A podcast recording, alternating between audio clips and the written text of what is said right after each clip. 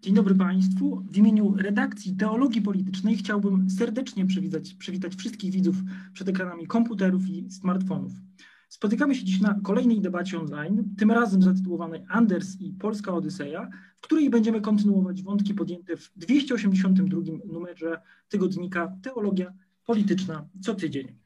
Trakcie dzisiejszej debaty, która można powiedzieć, że następuje po 80. rocznicy powstania polskich sił zbrojnych ZSRR, będziemy mówić o Odysei tej niezwykłej armii powstającej tysiące kilometrów od polskich ziem, którą zasilili Polacy wywiezieni z Polski w 1940 roku po sowieckiej agresji na II Rzeczpospolitą. Chcemy porozmawiać dzisiaj o armii Andersa nie tylko jako formacji militarnej, ale jako powstającej na krańcu świata małej Polsce. Małej Polsce, na którą składała się zarówno skuteczna armia, jak również wydajna siatka samopomocy, administracji i bujne życie kulturalne, które przyczyniło się do tego, jak wyglądało życie intelektualne polskiej emigracji po II wojnie światowej. E, szanowni Państwo, mam przyjemność i zaszczyt przedstawić naszych dzisiejszych gości. Jest z nami pan profesor Daniel Boćkowski. Dzień dobry. Dzień dobry panie profesorze. Jest to polski historyk, profesor Uniwersytetu w Białymstoku Instytutu Historii imienia Tadeusza Mantefla e, Polskiej Akademii Nauk w Warszawie. E, jest z nami również pani doktor Małgorzata Ptasińska. Dzień dobry, witam państwa, witam pana. E, pani doktor jest związana z Biurem Badań Historycznych Instytutu Pamięci Narodowej. Jest z nami również pan profesor Przemysław Weingartner. Dzień dobry. Dzień dobry, panie profesorze. Pan profesor jest związany z Katedrą Historii Polski najnowszej Uniwersytetu Łódzkiego. Jest z nami również pan profesor Zbigniew Waber. Dzień dobry panu, dzień dobry państwu. Pan profesor jest dyrektorem Muzeum Łazienek Królewskich, jest historykiem wojskowości i autorem książki Armia generała Władysława Andersa w ZSRR 1941-1942. Zanim zaczniemy naszą dyskusję, chciałbym serdecznie podziękować darczyńcom i czytelnikom teologii politycznej, bez której oczywiście nasze przedsięwzięcia nie miałyby racji istnienia. Chciałbym podziękować również ekipie Blog Pressu, która odpowiada za transmisję naszej e, dzisiejszej dyskusji, jak również Muzeum Historii Polski, które dofinansowuje nasze dzisiejsze spotkanie w ramach programu Patriotyzm Jutra. Szanowni Państwo, zanim rozpocznę dyskusję, chciałbym jeszcze poinformować o tym, że w trakcie naszej dyskusji trwa konkurs. E, konkurs, w ramach którego można wygrać książki z Biblioteki Teologii Politycznej. Dwie dzisiaj mam ze sobą książkę pana Marka Cichockiego i Dariusza Karłowicza. Oczywiście są to książki ilustracyjne. Wygrywając, można wybrać sobie dowolną nagrodę z naszej biblioteki. By wziąć udział w konkursie, wystarczy na naszym YouTube'owym czacie zaproponować pytanie do naszych rozmówców. Spośród nadesłanych pytań wybierzemy dwa najlepsze i zadamy je uczestnikom naszej dzisiejszej dyskusji. Szczegółowy regulamin konkursu mogą Państwo przeczytać na stronie internetowej wydarzenia oraz naszym wydarzeniu na Facebooku.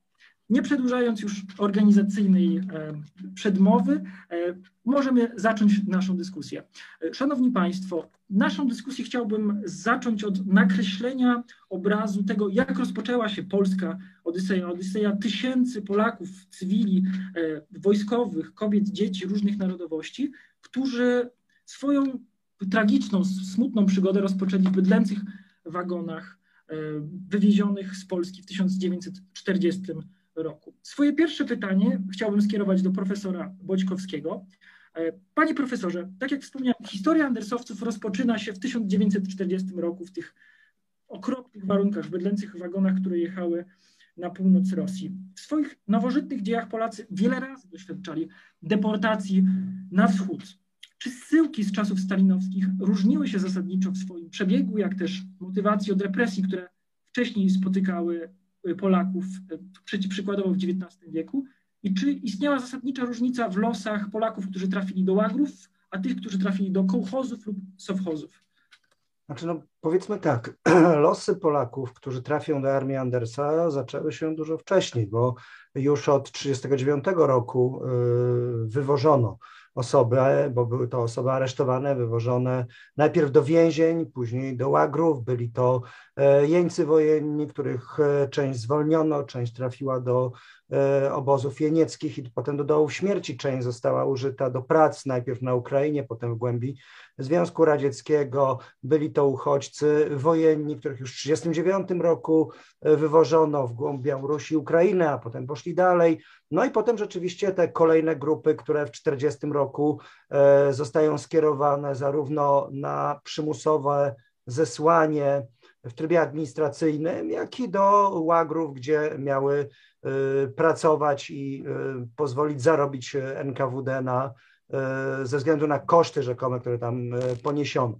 Tak więc ta podróż to jest od rzeczywiście od wagonów, niekoniecznie nawet już bydlęcych, ale wagonów wojskowych specjalnie dostosowanych do przewozu ludzi, zapakowanych uchodźcami, poprzez wielotygodniowe mm, trasy na północ Rosji, na Syberię, do Komi, obwodu archangielskiego z jednej strony, gdzie zsyłano w e, tym, e, gdzie zsyłano tych, których uznano za mm, osoby e, powiedzmy z specposiołków, skierowane do specposiołków, przepraszam, jak i też tych, których w trybie administracyjnym zsyłano, rodziny rozstrzeliwanych oficerów w kwietniu 40 roku oraz wszystkie osoby, kiedy oczyszczano pas graniczny, nazwijmy to, Związku Radzieckiego od e, państw bałtyckich aż po, aż po Mołdawię w 1941. Więc to były ogromne rzesze ludzi e, w różnych e, momentach, różnie sterowane, z różnymi wyrokami. Osoby, w, które zostały uznane za przesiedleńców, były skierowane do, obo, do powiedzmy obozów pracy przymusowej, bo to tak można nazwać te wszystkie specposiłki, w których pracowali. Ci, którzy, rodziny oficerów zostały rozproszone w Kazachstanie w ramach zesłania administracyjnego. E, ci, którzy wyjechali latem 1941 roku, trafili do Uzbekistanu, oni zostali po prostu zesłani i mieli po prostu przebywać w określonych miejscach. Więc, e, więc no mnóstwo było takich dróg, nie mówiąc o tych, którzy e, po prostu byli zatrzymywani przez, zatrzymywani przez NKWD i poprzez wyroki trafiali do łagrów. Ta cała, te wszystkie grupy razem liczy się mm, co najmniej na 600 tysięcy ludzi i to wszyscy ci, ci, którzy przekroczyli granicę e, ryską e, i znaleźli się w Związku Radzieckim. I w różnej formie później, kiedy następuje amnestia, z różnych miejsc, na różnych zasadach, ci wszyscy ludzie po pierwsze wyrywają się spod kontroli, częściowo kontroli sowieckiej, a po drugie, kiedy dochodzi po tygodniach albo nawet miesiącach do nich ta informacja, że robi się armia, ruszają na ten e, południe, licząc na cud e, po prostu ratowania siebie i wyjścia z tego piekła. I mamy do czynienia tak naprawdę ze zróżnicowanym, e, jeśli chodzi o ścieżkę, zróżnicowanym pod względem swojego doświadczenia, trudu, zsyłki grup ludzi, którzy są potem werbowani przez Andersa. Panie profesorze e, Wawer, mam pytanie o ten właśnie moment, w którym armia zaczyna powstawać, ponieważ u swych początków składał się właśnie ona z, z byłych więźniów łagrów, kołchozów, sowchozów. Często są oni w dramatycznym stanie. Jak przebiegał proces formowania regularnej armii z byłych łagierników i co w tym kontekście stanowiło największe wyzwanie dla generała Andersa? E, armia początkowo składa się z jeńców wojennych, którzy znaleźli się na terenie Związku Sowieckiego po zajęciu państw bałtyckich oraz ci, którzy ocaleli, można powiedzieć, z obozów, e, w cudzysłowie mówiąc, Katynia, bo na podstawie e, ustaleń Komisji Mieszanej Polsko-Sowieckiej, e, takich pięć posiedzeń od połowy mm, sierpnia do końca sierpnia odbyło się w Moskwie, ustalono, że na podstawie danych NKWD do dyspozycji dowództwa armii Polski jest 21 tysięcy żołnierzy, z tego zostaną utworzone dwie dywizje piechoty, e, tak zwanego ty, e, rosyjskie e, typu lekkiego, plus ośrodek zapasowy armii. Czyli do mm, obozów, gdzie miało być organizowane wojsko polskie, czyli do miejsc koncentracji Buzułku, Tatiszczewa, Tockoje, przybywają w pierwszej momencie zorganizowanych transportach ci, którzy znaleźli się w obozach. Można powiedzieć, że i oni e, byli w o wiele lepszej kondycji niż ci, którzy zaczynają trafiać wkrótce e, po ogłoszeniu tak zwanej amnestii, ogłoszeniu, że powstaje Armia Polska. E, zmierzają do wojska z różnych części Związku Sowieckiego, Tu trzeba zaznaczyć, że początkowo nie wszyscy komendanci obozów chcą wysyłać zdrowych i zdolnych do pracy ludzi, bo uważają, że ci powinni pozostać na miejscu, nie wypełniają poleceń nawet odgórnych, które w tym wypadku wydają ich przełożeni, natomiast wysyłają ludzi schorowanych. I z opisów, które jest w dokumentach Polskich Sił Zbrojnych w Związku mm, Sowieckim, widać, jak wyglądały takie transporty, że wielokrotnie, na przykład jak transport e, z tymi ochotnikami dojeżdżał do miejsca organizacji dywizji, okazuje się, że znajdowano w wagonach e, kilkanaście, a nawet kilkadziesiąt ciał osób, które zmarły. E, jak wojsko można było organizować? Oczywiście największym problemem zawsze w wojsku to jest tak, uzbrojenie, oporządzenie, umundurowanie. I tu trzeba powiedzieć, że największym problemem w pierwszym okresie e, to jest brak obuwia. Żołnierz nie mając butów nie ma szansy w warunkach europejskich działać, po prostu nie jest do tego przyzwyczajony. I nawet pierwsze ćwiczenia, które odbywały się, były po prostu żołnierze wymieniali się obuwiem, e, żeby mógł następny e, pododdział ćwiczyć. E, mundury też były w opłakanym stanie. Ci, co przyjechali z obozów tych wojskowych, które byli więźniami, mieli zniszczone bardzo mocno swoje odzienie, lepszym, lepsze umundurowanie mieli oficerowie.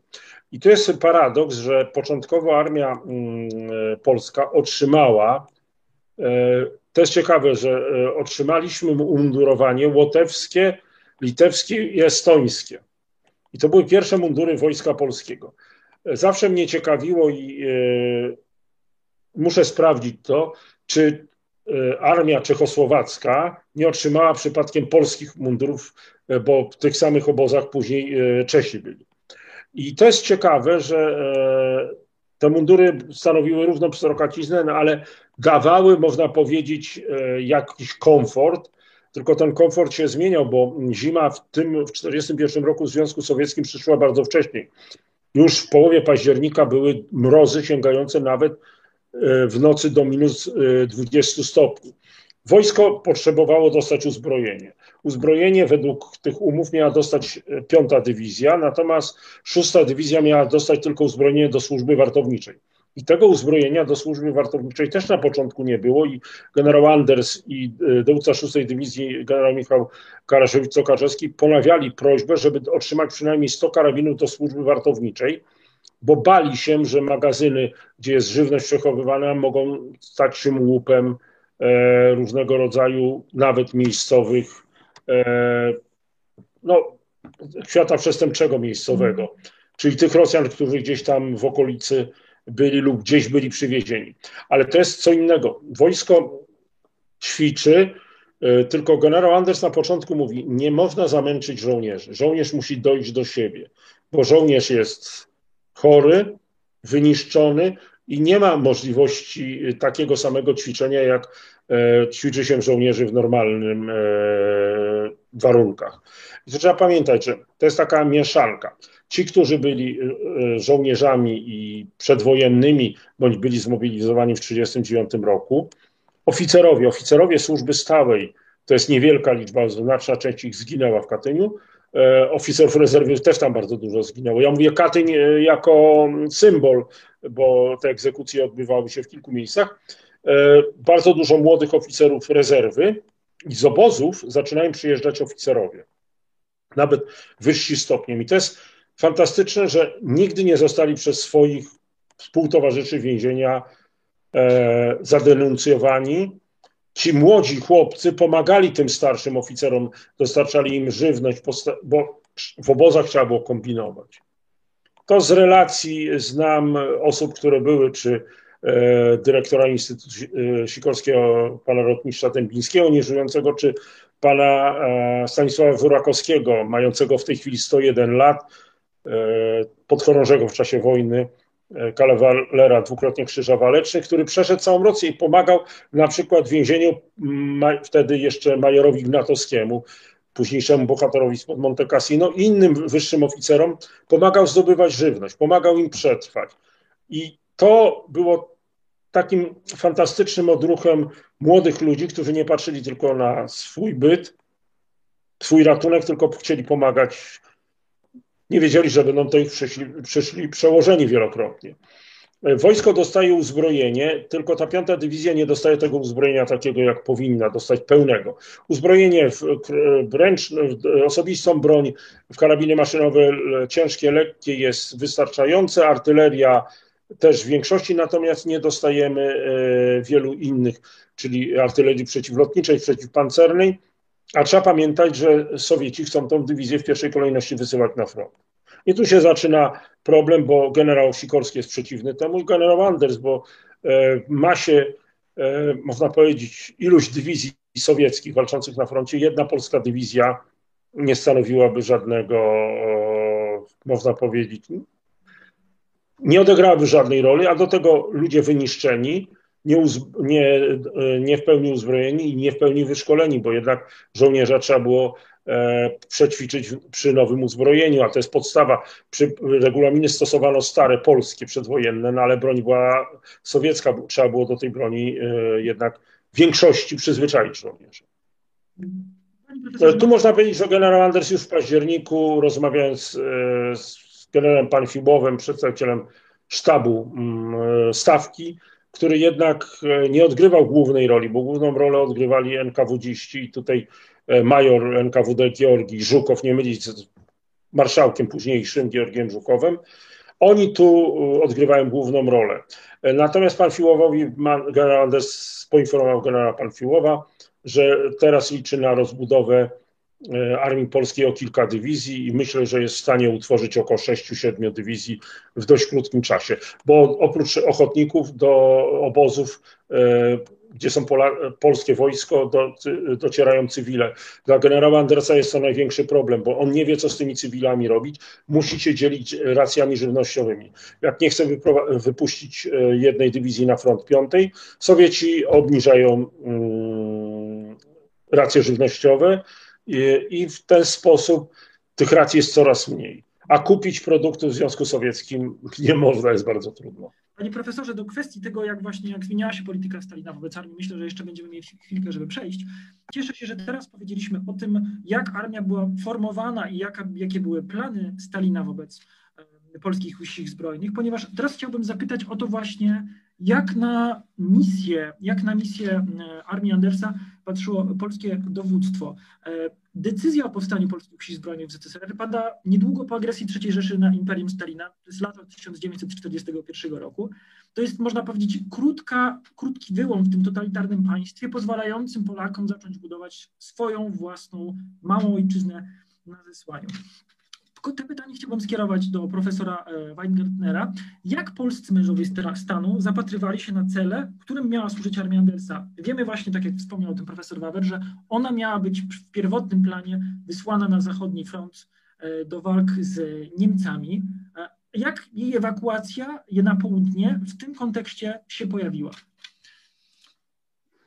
E, tak, znaczy to jest, e, wydaje mi się, sprawa bardzo skomplikowana. Ja spróbuję na nią odpowiedzieć w odpowiednio e, krótkim czasie, jakiego wymaga nasza dyskusja, ale wydaje mi się, że konieczna jest na początku taka uwaga, jak myślę dla nas wszystkich chyba tutaj oczywista, to znaczy rozmawiając o tym, jakie były, jaki był stosunek poszczególnych środowisk politycznych, czy też poszczególnych dowódców do idei polskiej armii na wschodzie, no, y, y, y, trzeba jednak przede wszystkim zauważyć rzecz być może bolesną, ale jednak taką, że od 22 mm, czerwca 1941 roku, to znaczy od agresji niemieckiej na Związek Sowiecki,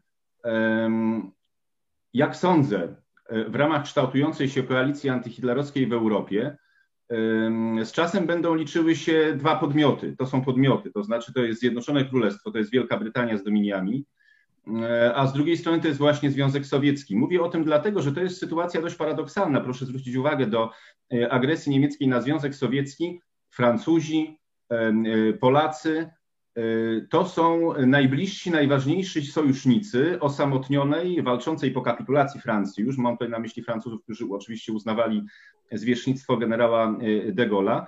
Najważniejsi sojusznicy osamotnionego Albionu, walczącego samotnie w Europie przeciwko III Rzeszy. Paradoksalnie rzecz biorąc, w tych najcięższych chwilach dla Zjednoczonego Królestwa rola Polaków jako sojuszników jest bardzo istotna. To są polscy marynarze, to jest chociażby trzecia brygada karpacka, która pamiętamy przechodzi na stronę brytyjską po kapitulacji Francji, upraszczając. E, to są polscy lotnicy walczący w Anglii. Natomiast od 22 czerwca liczy się zawarcie sojuszu brytyjsko-sowieckiego. I tutaj ważna uwaga. E, mianowicie do tego sojuszu oczywiście prze-Churchill, otóż spełniło się jego marzenie. Wielka Brytania nie jest już, może nie być samotna w obliczu e, agresji niemieckiej. Do tego sojuszu również początkowo przez Stalin, przypomnijmy, że przecież generalnie E, lato i jesień 1941 roku to jest czas, kiedy Armia Czerwona odbiera srogie cięgi na e, froncie niemiecko-sowieckim. E, I pamiętajmy również, że mm, kolejny paradoks to dążenie do sojuszu jego umocnienia jest wzmacniane wzajemną nieufnością. To znaczy musimy pamiętać przez cały czas o pewnym tle. Tym tłem jest to, że z jednej strony Stalin obawia się, że Wielka Brytania zawrze jednak separatystyczny układ pokojowy Y, z Niemcami. Znana była pewna słabość Hitlera do polityki, tradycji, wielkości Imperium Brytyjskiego, ale z drugiej strony Churchill również obawia się, czy takiego pokoju pod grozą całkowitej klęski nie są w stanie zawrzeć, zawrzeć Sowieci. No i tutaj musimy dopiero umiejscowić ideę budowy armii polskiej na wschodzie armii generała Andersa, E, trzeba powiedzieć wyraźnie, że gorącym zwolennikiem e, tworzenia Armii Polskiej na Wschodzie był generał Władysław Sikorski, e, wódz naczelny, premier rządu polskiego. Z jednej strony, pozostając przez cały czas wierny pewnej zasadzie, którą uważał za, za, absolutnie podstawową, to znaczy, że w tej wojnie będzie liczył się to, co to, to określano w ten sposób, kapitał krwi, tak? czyli miarą wysiłku polskiego żołnierza E, będzie odmierzana rola Polski, mówiąc już tak najprościej, po zakończeniu drugiej, e, wojny e, światowej. W jakiejś mierze to pobrzmiewa, mówimy przecież o drugim korpusie także, w słynnej pieśni o bitwie pod Monte Cassino, wolność krzyżami się mierzy, prawda? Więc ten wysiłek miał skutkować, skutkować pozycją państwa polskiego w wolnej Europie po zakończeniu konfliktu. I oczywiście miał grono swoich zwolenników. Tyle tylko, że pamiętajmy, pozycja generała Sikorskiego mm, no, nie jest już tak silna jak w roku 1939. Wtedy oczywiście na cenzurowanym są Piłsudczycy, którzy posługując się słowami ówczesnej narracji, no, odpowiadają za klęskę wrześniową, prawda? Natomiast w roku 40 okazuje się, że Francja ponosi ponownie, podobnie sromotną, mm, o wiele bardziej sromotną klęskę. Y, ta Francja, na którą liczył generał Sikorski, E, mało tego, generał Sikorski, przypomnijmy, już w 1940 roku mm, samodzielnie mm, e, proponuje taki memoriał dotyczący budowy wojsk polskich w Związku Sowieckim. To jest rok 1940. To nie jest rok, kiedy Związek Sowiecki został zaatakowany przez Niemcy. To, mówiąc obrazowo, jest czas, kiedy e, niemieckie samoloty bombardują wojska francuskie za linią Maginot i brytyjski korpus ekspedycyjny. E, no, latając na ropie sowieckiej. Tak? To jest takie uproszczenie, ale myślę, że, że warto je e, tak plastycznie tutaj e, uzmysłowić. A więc ta pozycja generała Sikorskiego po tym kryzysie wywołanym klęską Francji, tym memoriałem, mm, jest nieco słabsza. Jak sądzę, generał Sikorski, i to być może jest podnoszone nieco mniej, podnosi się bowiem przede wszystkim ten aspekt humanitarny, tak, wyciągnięcia polskich łagierników, budowy z nich armii. No, miał również na myśli taki koncept, bym powiedział przede wszystkim jednak polityczny i militarny, to znaczy on chciał być wodzem armii. E, tej polskiej armii po klęsce Francji, no, zwłaszcza na lądzie, nie zostało zbyt wiele. Ona oczywiście jest rekonstruowana w Wielkiej Brytanii, ale możliwości są ograniczone. No i tutaj liczy się na to, że to będzie taki potężny zastrzyk tak, wojskowy. E, powstaną siły zbrojne na wschodzie, które będą mogły razem z Armią Czerwoną walczyć między innymi z Niemcami, ale są oczywiście również, e, może tak, nie tyle przeciwnicy takiego pomysłu, co ci, którzy wskazują na to, że dążąc za wszelką cenę do budowy, do organizacji tej armii, generał Władysław Sikorski, tutaj mówimy oczywiście o e, krytyce układu Sikorski-Majski, no był również zbyt miękki. Ja zostawiam w ogóle z boku całą tą dyskusję dotyczącą tego, czy można było zrobić coś więcej I co by na przykład dało dokładne określenie w układzie, że granicą Polski jest od tej pory ponownie granica traktatu ryskiego? Można by zadać pytanie, czy przy takim, a nie innym przebiegu II wojny światowej mm, no, Związek Sowiecki i tak by nie przeszedł na porządku dziennym, nawet nad takim zapisem i Y, i y, w związku z tym ta walka o ten zapis by się okazała po prostu bez, bezprzedmiotowa. Natomiast zwłaszcza Piłsudczycy, y, krytykujący Sikorskiego, wskazywali, wskazywali na to, że oprócz niedookreślenia właśnie, mówiąc najdelikatniej, tej kwestii granicznej, no, generał Sikorski pozbawił się pewnych atutów. No, tym atutem personalnym chociażby mogącym występować jako swoisty w oczach Stalina oczywiście ten zły policjant, jeżeli generał Sikorski miał być dobrym policjantem wedle tego słynnego schematu gry, no tym y, y, złym policjantem mógł być August Zaleski, natomiast on został też praktycznie od tego y, układu i od tych negocjacji, negocjacji odsunięty, więc sytuacja Polski na arenie międzynarodowej po 22 czerwca 1941 roku i w trakcie budowy armii polskiej na wschodzie była skomplikowana, a również nie panowały jednoznaczne opinie, jednoznaczne przekonanie co do tego, mm, czy cena y, zapłacona za wydobycie ludności polskiej z łagrów y, i za rozpoczęcie budowy armii polskiej na wschodzie nie jest za wysoka i czy przez cały czas nie jest ona również przez Stalina podnoszona. To w takim najogólniejszym zarysie. Dziękuję panie profesorze. Myślę, że mamy już naszkicowaną sytuację polityczną, dyplomatyczną, militarną wokół armii Andersa. Teraz myślę, że możemy też porozmawiać o rzeczy, która również jest z naszego punktu widzenia bardzo istotna, czyli o mm, kulturotwórczym aspekcie armii Andersa. Pani doktor, generał Anders był nie tylko doświadczonym wojskowym, ale również zdawał sobie z ogromnej roli, jaką e, armia odgrywała w kształtowaniu potencjalnej przyszłej wolnej Polski. Wśród szeregów armii generała Andersa znalazło się wielu wybitnych pisarzy, twórców, malarzy, jest wiele nazwisk, e, o których, które wszyscy znają, jak chociażby Gustaw Herling Grudziński. E, w jaki sposób Anders wspierał inicjatywy twórcze i kulturalne, które formowały się w szeregach jego armii już tak naprawdę przed, e, przed jej ewakuacją? Y, dziękuję bardzo. To jest ogromne zagadnienie, natomiast y, odnosząc się do wypowiedzi moich przedmówców, chciałabym zwrócić uwagę na bardzo ważne cele, jakie przyświecały tej szeroko prowadzonej działalności y, kulturalnej. Dlatego, że z jednej strony mamy armię polską tworzoną w Związku Sowieckim, ale z drugiej strony mamy również ludność cywilną.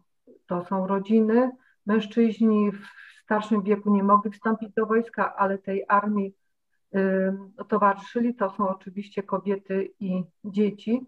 W związku z tym y, powstała, powstał problem dotarcia do y, szerokiej publiczności. I teraz tak, to co jest istotne w tym aspekcie, to jest oddziaływanie wolnym słowem. Jednym, jednym zdaniem chciałabym powiedzieć o y, bardzo ważnej roli prasy. I takim naczelnym organem e, e, Polskich Sił Zbrojnych w Związku Sowieckim, a później w Armii Polskiej na Wschodzie, jak i w drugim Korpusie Polskim, oczywiście odgrywał tygodnik Orzeł Biały, który był takim pismem pierwszoplanowym i najważniejszym z punktu widzenia e, polityki prowadzonej przez generała Władysława Andersa. Tutaj mamy do czynienia z wieloma czynnikami, o których przed chwilą powiedział pan profesor dlatego że poza takim wzmocnieniem e, po okresie pobytu w łagrach czy więzieniach, e, wzmocnieniem oczywiście duchowym, e, bardzo ważne było również oddziaływanie na morale żołnierzy, to jest z jednej strony. Mamy również tłumaczenie tej, tego kontekstu dość skomplikowanego politycznego, o którym przed chwilą słyszeliśmy, to znaczy jak tym żołnierzom, ale nie tylko żołnierzom, ale również tym osobom cywilnym, które opuściły łagry, wytłumaczyć, że naszym sojusznikiem jest Związek Sowiecki, co wymagało ogromnej dyplomacji i również wyważenia każdego słowa, ponieważ działała bardzo silnie y, cenzura. Cenzura działała przez cały okres wojenny, wojny, ale również w Związku Sowieckim. Była również polska cenzura. I mm, kolejny y, aspekt to jest y, również propaganda sowiecka, o którym nie mówiliśmy do tej pory, ale musimy sobie z tego zdawać sprawę. W związku z tym to życie kulturalne, o którym mówimy, y, mając na myśli prasę, teatry, które powstały, szkolnictwo na, pod, na poziomie podstawowym i średnim, to jest oczywiście ogromna zasługa, ale tak naprawdę tym orężem najważniejszym to jest słowo drukowane w Orle Białym, jak również w, tych, w prasie wydawanych przez poszczególne dywizje. No i oczywiście jest również prasa kobieca, to jest y, ochotniczka, to jest y, prasa wydawana przez, tak, przez junaczki, y, które miały swoją własną formację wojskową. Natomiast chciałabym zwrócić uwagę, poświęcić wiele miejsca na ten tygodnik, który powstał, jego pierwszy numer się ukazał 7 grudnia 1941 roku, mówię tutaj o Orle Białym, dlatego że na początku tego tygodnika redaktorem był y, Stanisław Stramp-Wojtkiewicz, który został przysłany do armii Andersa przez generała Mariana Kukiela. I tutaj są również y, elementy, o których pan profesor wcześniej wspominał, dotyczących podziałów wewnątrz nawet polskich sił zbrojnych, dlatego że mamy część wpływu generała Sikorskiego, ale tworzy się również w ramach polskich sił zbrojnych w Związku Sowieckim opozycja wobec polityki generała Sikorskiego. W niedługim czasie Wojtkiewicz przestaje być redaktorem naczelnego, naczelnym Orła Białego, ponieważ on nie przyjmuje takiej postawy y, pro-generał Anders i nie wzmacnia tego ducha, iż musimy wspólnie walczyć w tych trudnych, skomplikowanych warunkach. I należy zmienić tą politykę propagandową Armii Polskiej w Związku Sowieckim. W związku z tym na początku 1942 roku szefem y, Wydziału Propagandy i Oświaty zostaje Józef Czapski, Następuje zmiana na miejscu redaktora naczelnego Orła Białego, o czym mówiłam, zostaje nim Zisław Bał. I to jest środowisko bardzo bliskie generałowi y, Andersowi. Oni rozumieją się, można powiedzieć, bez słów. I ta polityka y, y, tygodnika jest bardzo patriotyczna, jest oczywiście antykomunistyczna, bo to trzeba podkreślać, ale w tym trudnym momencie jest dość wyważona i również wzmacniająca żołnierza w takim momencie już po tej euforii, kiedy on odzyskuje tą wolność i zadaje sobie pytanie, co dalej. Zwłaszcza, że w tym czasie dochodzą również informacje z kraju, żołnierze, zarówno ludność cywilna cały czas jest słuchana w informacji, wiadomości, które e, docierają e, z okupowanej Polski jak również na bieżąco wiadomości, które docierają z pola walki, z teatru działań.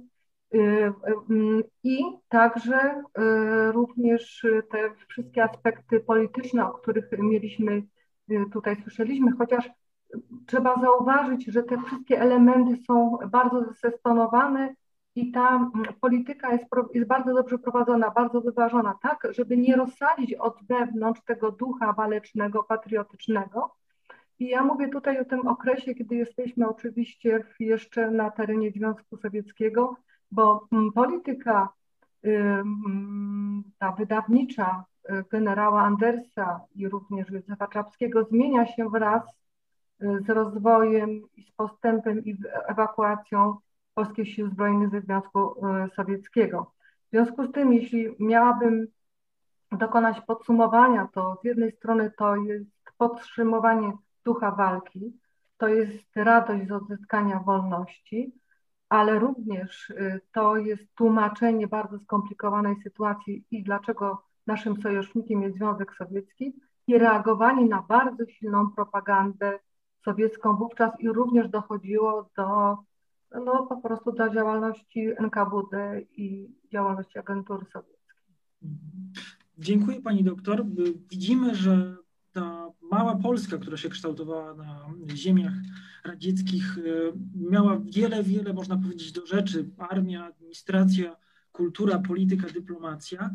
Można powiedzieć, że widok sprawnie organizujących się Polaków, którzy tworzyli własne, niezależne od Moskwy ośrodki władzy, kultury, dowództwa militarnego, rozbudowaną sieć samopomocy, to wszystko musiało budzić na pewno brak niezadowolenia, żeby nie powiedzieć wściekłość Stalina, który potrzebował Polaków wyłącznie do obrony interesów ZSRR, który patrzył na polskie siły zbrojne w ZSRR, można powiedzieć, czysto instrumentalnie.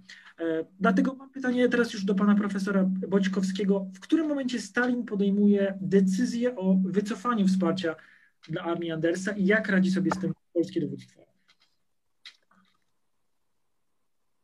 Panie profesorze, ma pan wyłączony mikrofon. Już e, powiedziałbym tak, że Stalin podjął decyzję o tym, że armia Andersa musi zniknąć. Prawdopodobnie w tym samym dniu, w którym podpisywał umowę o tym, że armia Andersa powstaje. E, dlatego że tak naprawdę armia Andersa była e, wymuszoną rzeczą przez sojuszników, której nie planował i którą tworzył między innymi po to, żeby ją szybko przerzucić i zlikwidować. Stąd też e, od samego początku było wiadomo, że Stalin nie może sobie pozwolić na sytuację, w której e, w totalitarnym państwie sowieckim nagle ktoś będzie miał nawet odrobinę inne zasady i odrobinę inne prawa niż reszta społeczeństwa, bo to momentalnie przekładało się na rzeczywistość, a tutaj na dodatek ta rzeczywistość mm, e, skrzeczała, no bo najpierw propaganda stwierdziła, że ta burżuazyjna Polska padła, że jej nie ma, że, że, że rząd porzucił wszystkich, że jedynym państwem, które mm, uratowało, prawda, i ratowało Polaków, Białorusinów, Ukraińców są, e, jest Związek Radziecki, a potem nagle ogłasza amnestię. Jeżeli ogłasza amnestię, to znaczy, że tak naprawdę ci ludzie po raz pierwszy w historii wychodzą na wolność. Tam się rzadko kiedy wychodziło się z jakichkolwiek obozów i, i zesłań na wolność, jeszcze na dodatek na wolność tam, gdzie się ma ochotę, a nie tam, gdzie po odbyciu wyroku wskazuje NKWD. Więc to już był wielki problem. E, mało tego, e, ponieważ pojawiła się administracja polska, pojawił się ambasador, pojawiły się delegatury, pojawili się przedstawiciele mm, akurat delegatur w terenie, E, pojawili się mężowie zaufania, pojawili się polscy oficerowie e, i pojawiły się, e, pojawiła się pomoc z zewnątrz, kupowana przez, przez władze polskie za ciężkie pieniądze w Stanach Zjednoczonych i różnych innych miejscach i przesyłana tam, nawet jeśli to były używane ubrania, nawet jeśli to była jeśli to były rzeczy, które, które no, powiedzmy były biednymi z punktu widzenia, y, biedną pomocą z punktu widzenia współczesnego wówczas świata, to dla Rosjanina sam fakt, że ktoś coś dostaje, e, mało tego dostaje od państwa, które nie istnieje, i to jest i tak tysiąc razy lepsze od tego, co on ma, już wystarczało do tego, by e, no, podważać trochę tą, tą, tą, to swoje zaufanie do władz.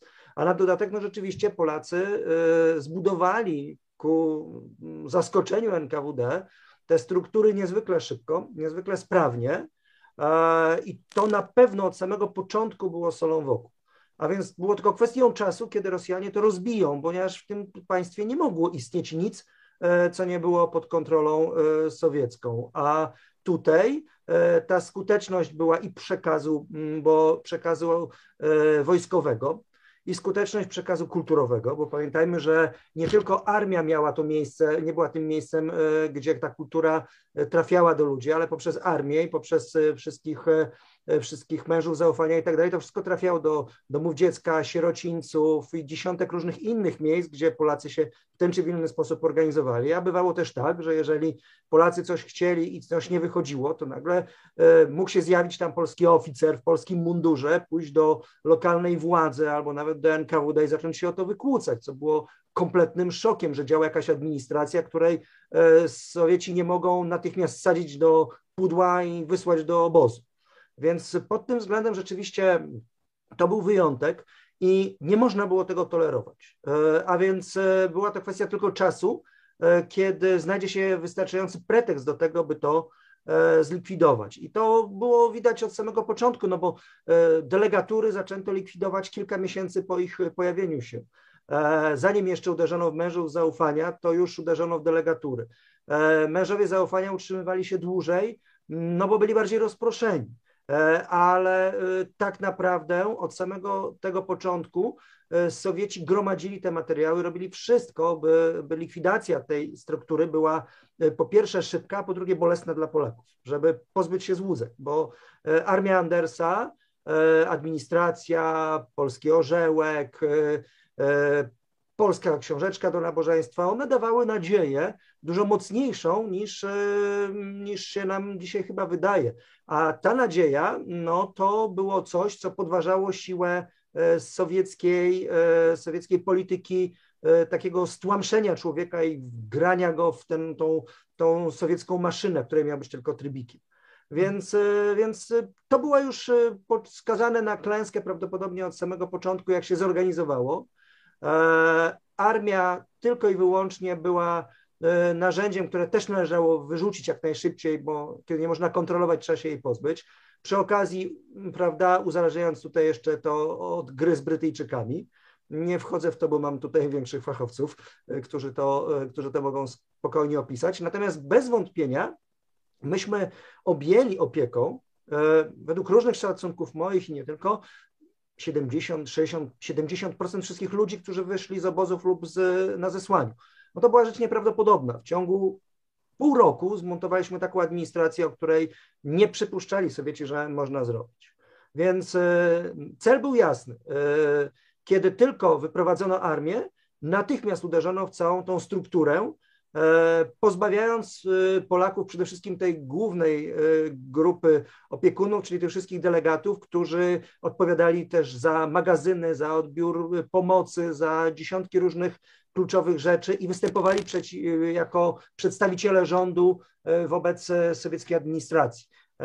Mężowie zaufania nie mieli już takiego umocowania i działali na niższym poziomie ale mężowie zaufania też byli e, niebezpieczni, bo mężowie zaufania też mieli dostęp do pomocy, e, mieli dostęp do e, dokumentów, wspierali, a poza tym, co tu dużo kryć, w pewnym momencie myśmy całkowicie przypadkiem puścili teksty w otwartych depeszach, z których by wynikało, że ta struktura służy także działaniom wywiadowczym co dla Rosjan było już e, mm, lampką alarmową i właściwie e, gwoździem do natychmiastowej likwidacji tego wszystkiego. Później zresztą to zarzucano, że to wszystko było jeszcze szpiegostwo i tak dalej.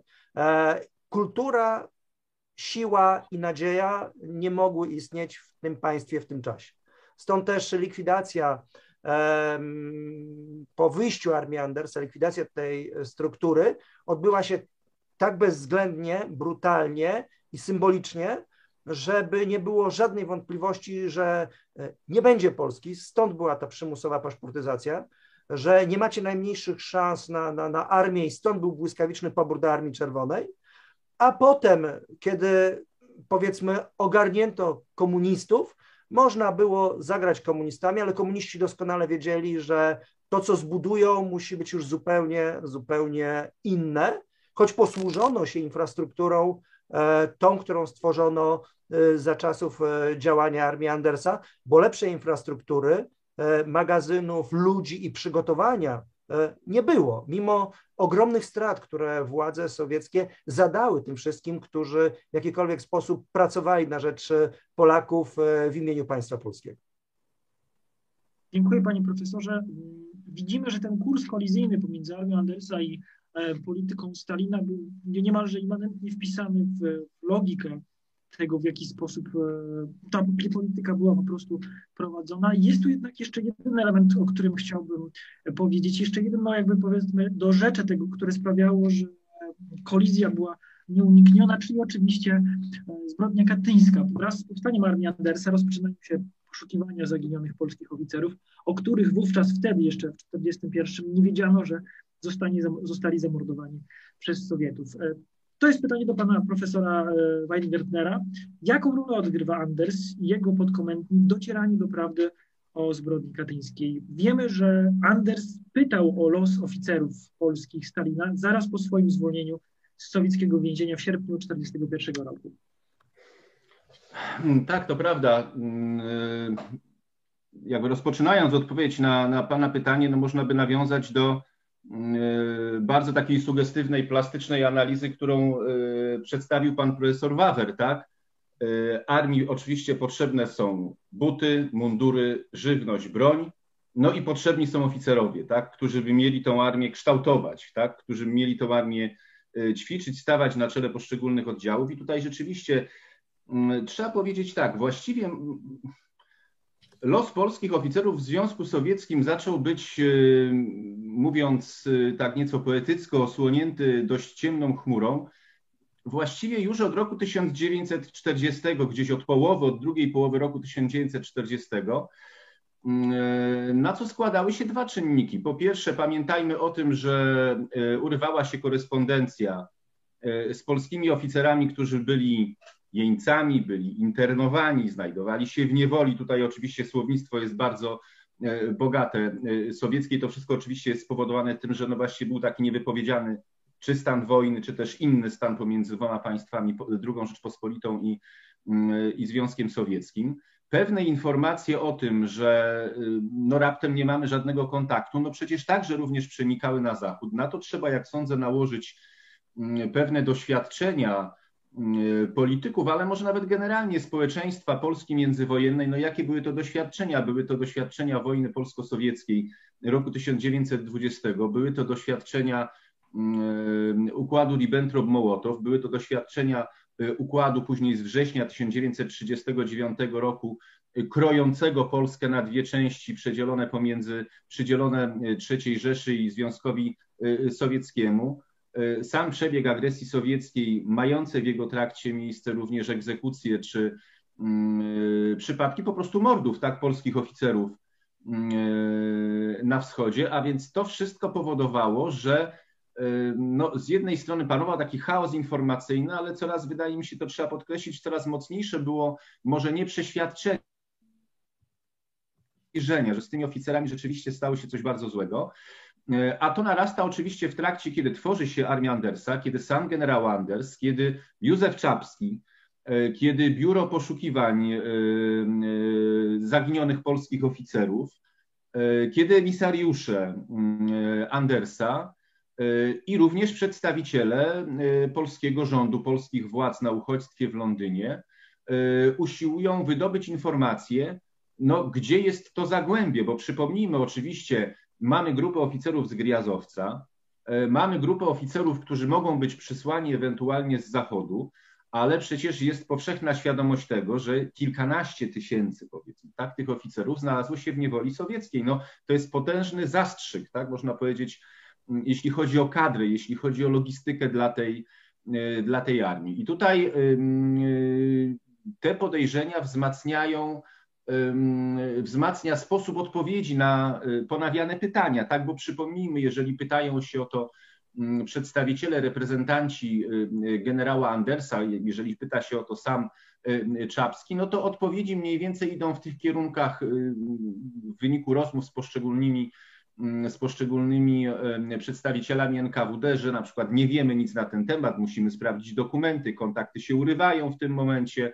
Jeżeli usiłuje się dotrzeć do władz Związku Sowieckiego, no to na przykład otrzymuje się odpowiedź, że no właśnie no, y, y, towarzysz Stalin czy, czy też Beria, no to mogą rozmawiać z premierem, czy, czy powiedzmy sobie z generałem, ale nie z jakimś tam wysłannikiem, prawda, który chce zasięgnąć tych, y, zasięgnąć tych informacji.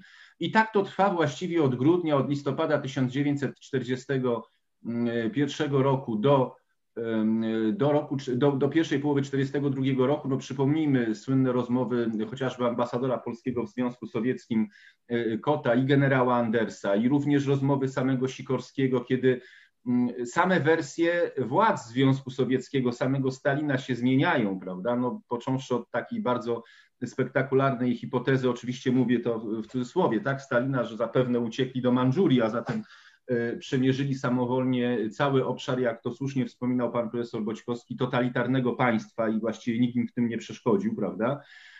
E, poprzez informację, że no, musieli się gdzieś rozpierzchnąć, tak? musieli się gdzieś rozejść, nie wiemy, gdzie się znajdują, a więc kilkanaście tysięcy, znowu ponawiam tą ocenę, kilkanaście tysięcy osób w totalitarnym państwie, ich miejsce pobytu jest nieznane, co rzeczywiście byłoby dość kuriozalne nawet w warunkach Mm, nawet w warunkach agresji przecież i pewnego chaosu, agresji niemieckiej chaosu, który ten, która ta agresja y, wywołała.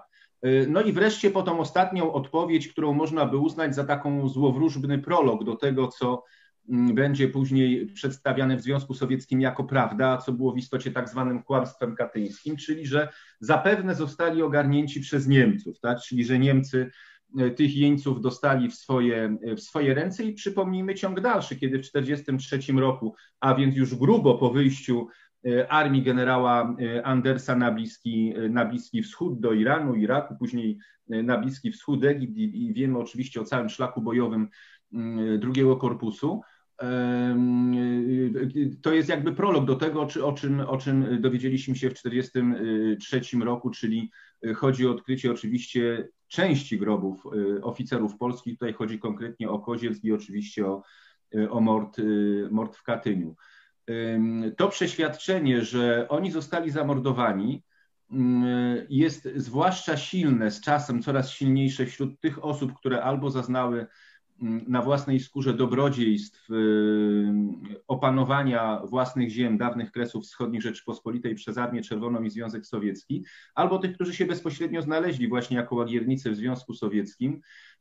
No przypomnijmy, w armii generała Andersa ta świadomość narasta i właściwie no, można by zaryzykować takie twierdzenie, że y, w połowie roku 1942, kiedy następuje to wyjście armii, ona właściwie staje się pewnikiem. To znaczy, ja przypomnę taką mm, historię, zresztą powszechnie znaną, także przecież w armii Andersa, mm, jeszcze zanim e, okazało się, że Niemcy ujawnili e, groby, groby katyńskie w kwietniu 1943 roku, odbywają się nabożeństwa, odbywają się msze święte w intencji pomordowanych oficerów. Uznaje się to po prostu za oczywistość, że to się rzeczywiście rzeczywiście z nimi stało, to oczywiście e, ten fakt, e, a więc kwestia e, tego mordu, który określamy ogólnie mianem mordu, mordu katyńskiego, chociaż oczywiście on obejmuje znacznie szersze spektrum zagadnień, no z jednej strony jest oczywistą przeszkodą w takim technicznym, powiedzmy sobie, zorganizowaniu wyszkolenia armii polskiej na wschodzie, ale z drugiej strony no jest właśnie tym, można powiedzieć, takim kamieniem probierczym jest tym, co powoduje, że stawia się pytanie, czy, czy z tym sojusznikiem, czy też jak to się mówiło już znacznie później, sojusznikiem naszych sojuszników, y, rzeczywiście można zawierać jakiekolwiek układy, czy można mu zaufać, czy można toczyć z nim boje na jednym, y, na jednym froncie. To rzeczywiście był bardzo poważny uderzenie również w tą politykę, chciał, którą chciał rysować za wszelką cenę mm, Sikorski. No i wreszcie pamiętajmy o tym, że prawda o Katyniu no jakby stawała w poprzek y, temu, co liczyło się, gorzko to wypowiadam, ale co liczyło się w latach II wojny światowej, czyli nazwijmy to tak, harmonijnej współpracy Wielkiej Trójki, czyli Stanów Zjednoczonych, Wielkiej Brytanii y, i Związku Sowieckiego. Panie profesorze, dziękuję za, to, za tę kompleksową wypowiedź. Myślę, że teraz jesteśmy w odpowiednim momencie, żeby powiedzieć, przejść już do kwestii czysto, można powiedzieć, czysto militarnych, to znaczy tego, jak prezentował się e, szlak bojowy armii Andersa. Wszyscy słyszeliśmy o walkach i olbrzymim poświęceniu, jakie żołnierze II Korpusu Polskiego ponieśli podczas e, walk o wzgórze Monte Cassino, konkretnie podczas operacji Diadem, czyli czwartej bitwy, czwartej próbie zdobycia przez aliantów wzgórza Monte Cassino. Jednak szlak bojowy armii Andersa rozpoczyna się o wiele wcześniej. Przed kampanią włoską żołnierze drugiego korpusu są zaangażowani w działania na terenie Iraku, gdzie chronili między innymi pól naftowych przed działaniem sił proniemieckich. To jest pytanie do e, pana profesora Zbigniewa Wawra.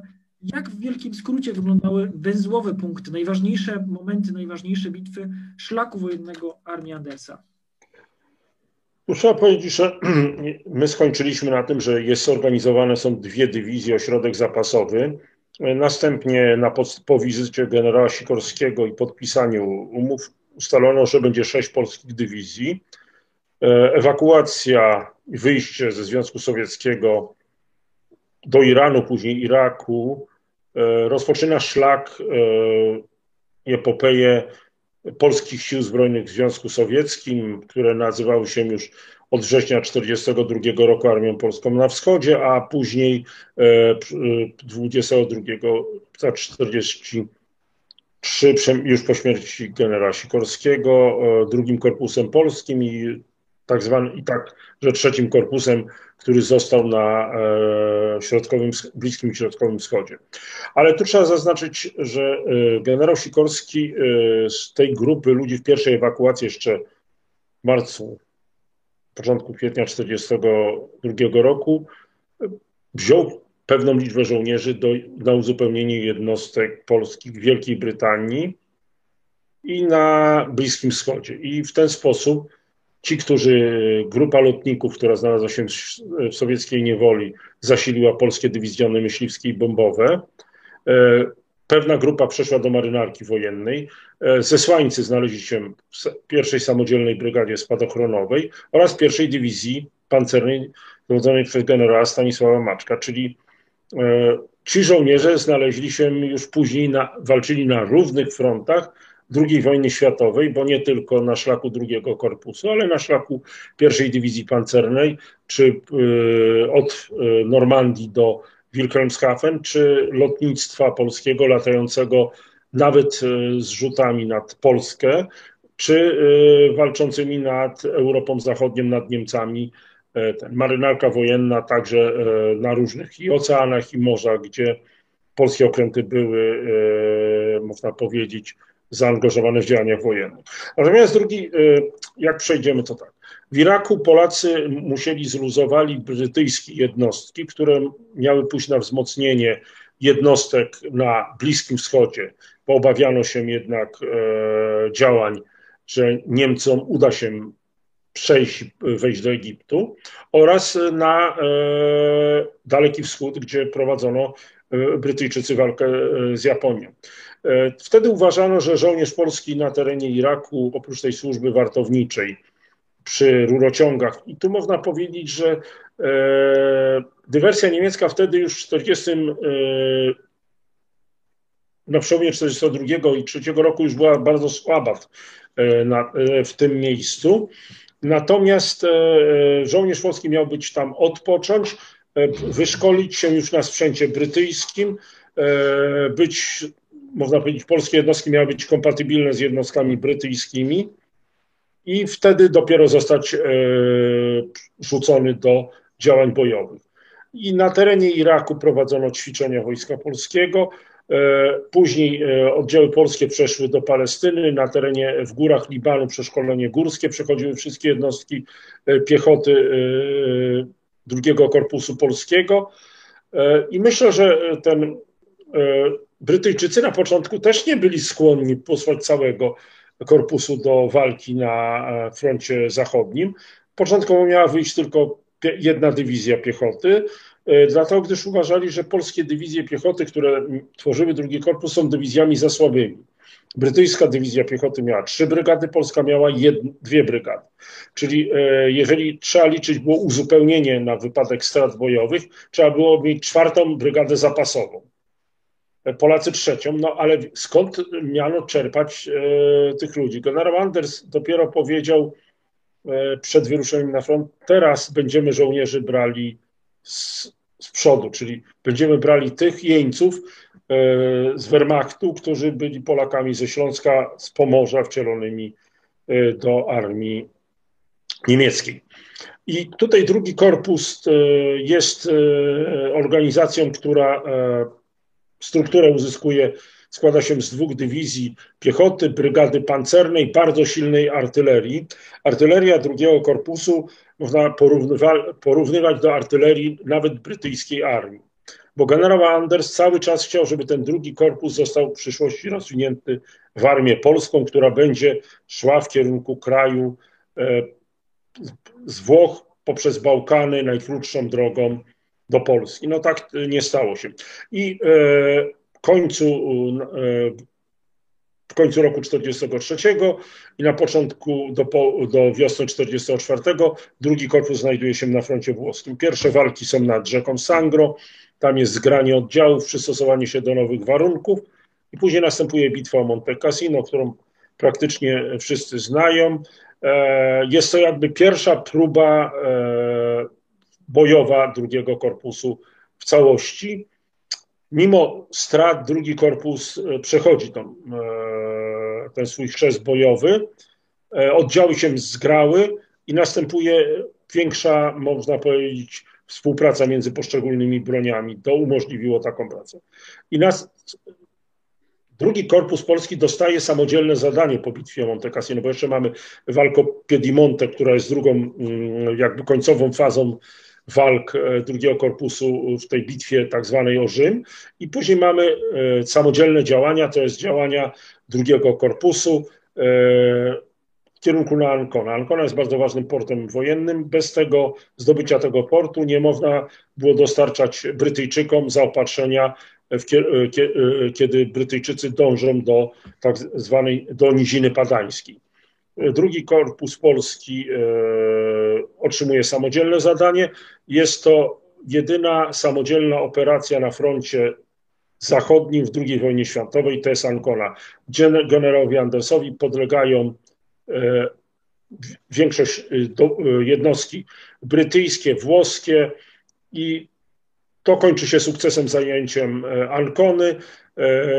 Polacy dalej idą w kierunku linii Gotów. Ja mówię to skrótowo i tu następuje e, dalej Apeniny Emiliańskie i w trakcie walk w Apeninach Emiliańskich następuje e, rozkaz do rozbudowy drugiego korpusu, bo przybywają jeńcy z niewoli e, brytyjskiej, amerykańskiej, są Polacy z Wehrmachtu. Trzeba powiedzieć, kiedy na początku generał Anders apelował do tego, żeby przekazać jeńców, którzy zostali wzięci w Afryce, E, po El Alamei później w Tunezji w 1943 roku.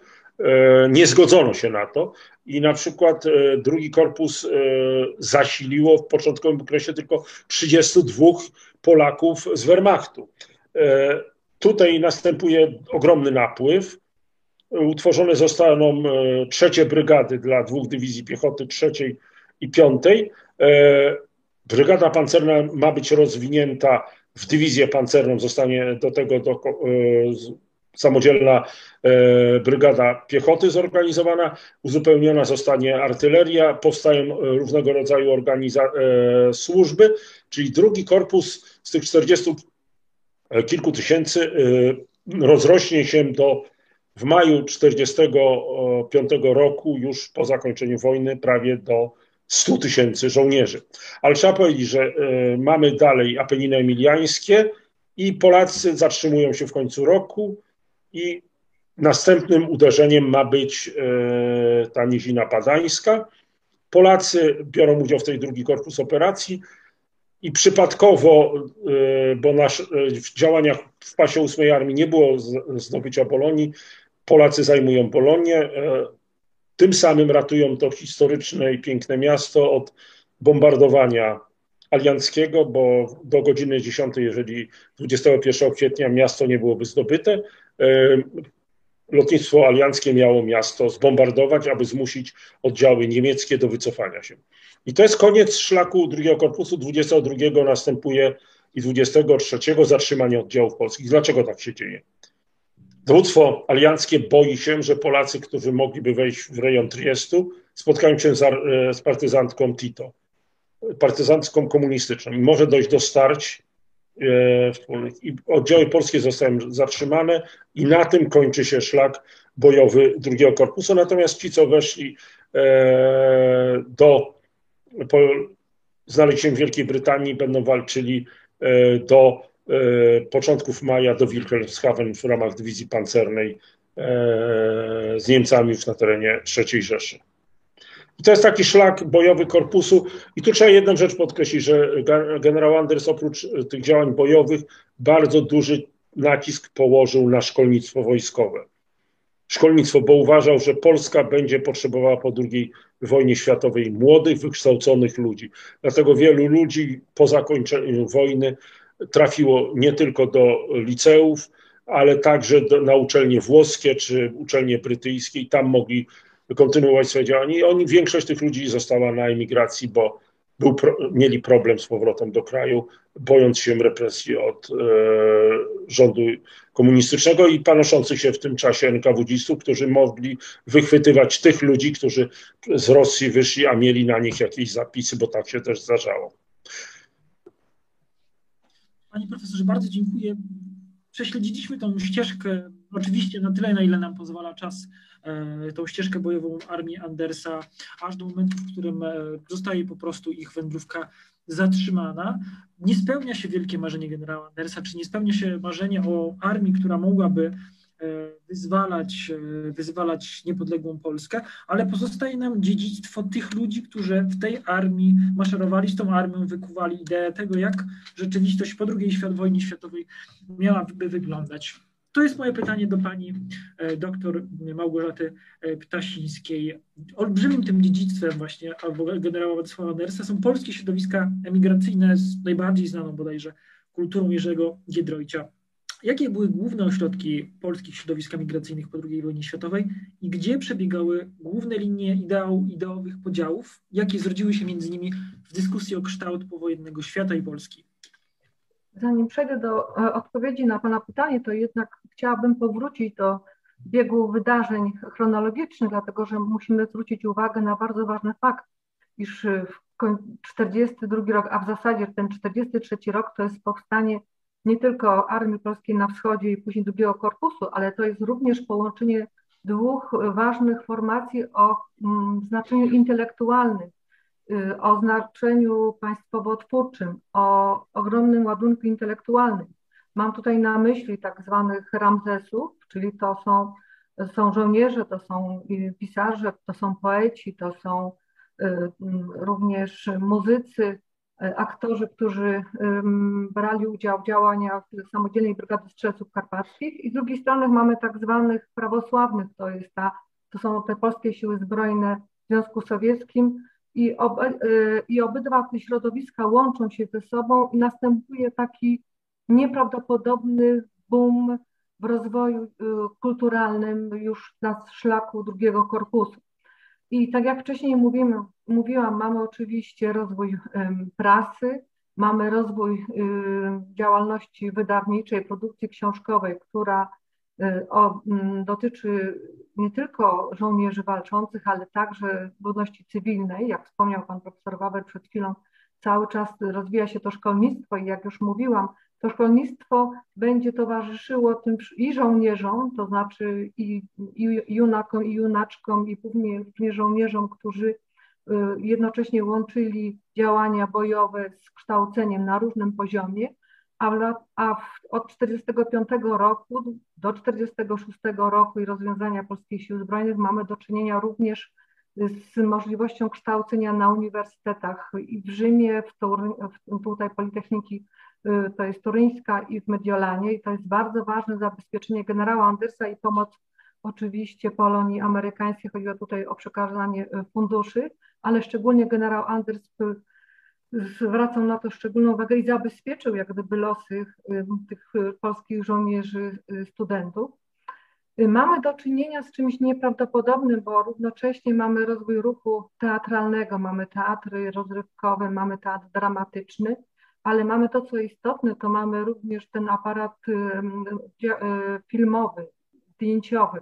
To jest coś, co jest o tyle ważne, że równocześnie z, postępem, z postępem działań wojennych i kiedy e, drugi korpus te działania prowadzi na Półwyspie Apenińskim, towarzyszą mu także i również na Środkowym Bliskim Wschodzie wystawy, które dokumentują ten wysiłek zbrojny, działalność żołnierza polskiego nie tylko na Bliskim i Środkowym Wschodzie, ale w ogóle w czasie e, działań II wojny światowej. Mamy radio, Mamy również kino, które pokazuje filmy i przedwojenne, ale również reportaże, które cały czas śledzą aktualne działalności i sukcesy żołnierza oręża e, polskiego. Mamy oczywiście bitwę Monte Cassino, która jest takim symbolem i która znalazła odzwierciedlenie nie tylko w poezji, ale również w malarstwie, w rycinach i w książkach chociażby wydanych y, monumentalne dzieło Melchiora Wańkowicza Szkice z Monte Cassino.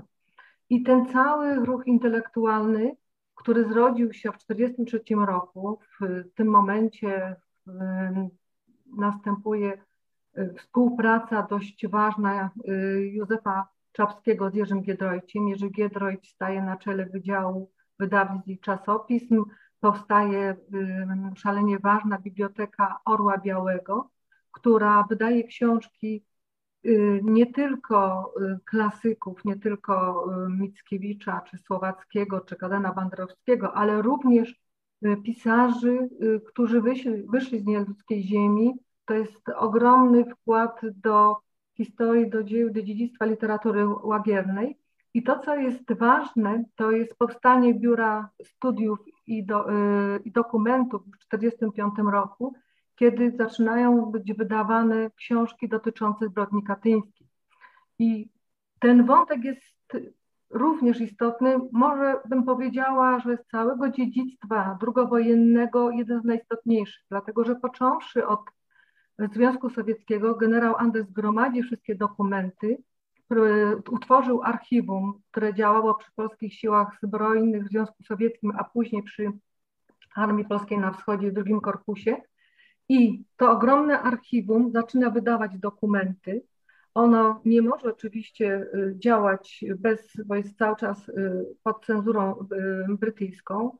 Znany jest ten fakt, iż w 1944 roku Brytyjczycy zabronili wydania wspomnień starobielskich Józefa Czapskiego. One później się ukazały pod wpływem nacisków między innymi generała Andersa, ale na początku było weto, bo chodziło oczywiście o, o politykę i o sojusz ze Związkiem Sowieckim, ale jest bardzo ważny problem yy, zbrodni katyńskiej, informowania społeczeństwa polskiego i przechowywania tych dokumentów.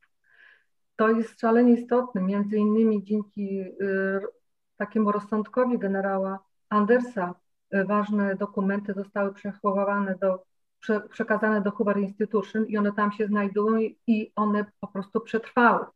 To nie mamy teraz czasu, żeby opowiadać o różnego rodzaju zabiegach, które również były czynione, aby te dokumenty o charakterze archiwalnym nie zostały przekazane zarówno do Instytutu Sikorskiego, po prostu gdzieś zaginęły w trakcie rozwiązywania polskich sił zbrojnych, ale fakty, zebranie relacji, wspomnień, dokumentów dotyczących zbrodni katyńskiej było bardzo ważne. I o tym chciałabym, żebyśmy y, pamiętali, o tym, iż na przykład Józef Czapski y, odegrał ogromną rolę, ale także Józef Mackiewicz, który w 1945 roku przystąpił, nie był żołnierzem, ale dzięki właśnie rozmysłowi Y, y, generała Andersa został zatrudniony w Biurze Studiów i Dokumentów drugiego korpusu, między innymi Kazimierz Zamorski, Dzisław Stal i to oni stanowili taką grupę, która wydawała zaraz jeszcze w trakcie działań wojennych dokumenty dotyczące zbrodni katyńskiej.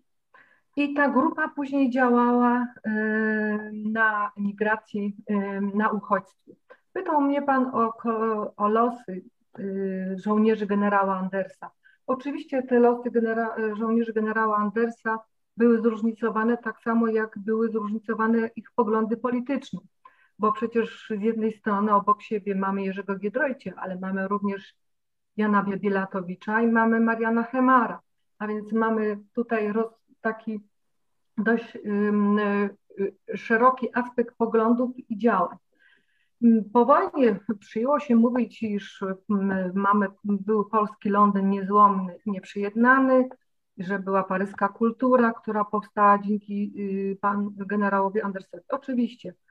Y, Instytut Literacki powstał w 1946 roku, wiosną 1946 y, roku w Rzymie przy drugim korpusie, tak samo jak i również Libella powstała przy drugim korpusie w Paryżu w 1946 roku i osobą bardzo ważną w powstaniu tych instytucji odegrał Józef Czapski, który towarzyszył generałowi Andersowi y, już od 1942 roku i jego rola jest niedoceniana, to chciałabym wyraźnie powiedzieć. Nie mamy żadnej publikacji, mamy, y, która podsumowywałaby ogromny wpływ intelektualny, umysłowy Józefa Czapskiego i tego jego kręgu na e, pokolenie intelektualistów zarówno II wojnie światowej, jak i w okresie e, powojennym.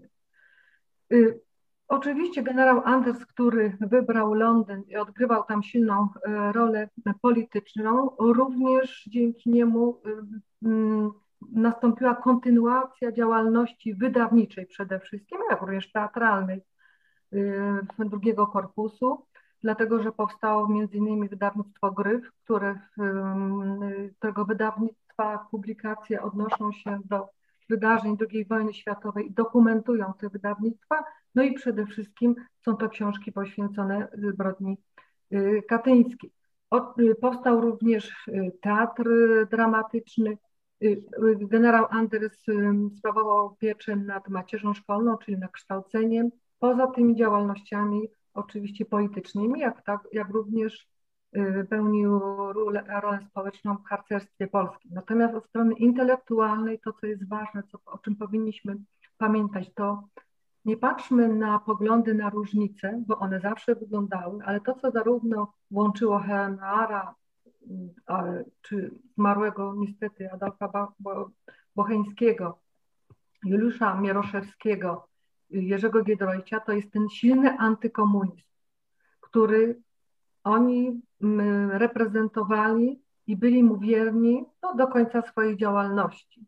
I on się przejawiał oczywiście w polityce wydawniczej, jaką prowadził y, Jerzy Giedroć dość silnie, pomimo różnic w poglądach dotyczących stosunku do Polski komunistycznej. Tak? To były te, te elementy, które różniły polski Londyn, to środowisko y, mm, skupione wobec władz polskich y, na, na uchodźstwie i w opozycji jak gdyby mówi się, iż działa, działała paryska kultura Jerzy Giedroć. Ja nie do końca się tym zgadzam. Były różnice właśnie w stosunku do y, podjęcia relacji, kontaktów z krajem, prowadzenia polityki w stosunku do Polski komunistycznej. Natomiast wszystkim tym środowiskom zależało na tym, aby Polska była niepodległa i wszystkie te środowiska przestrzegały przed komunizmem, przed zagrożeniem, jakie wynika właśnie z, y, z ideologii y, komunistycznej, a wybrały różne drogi po prostu do y, zwalczania komunizmu i do tego, by Polska stała się wolna.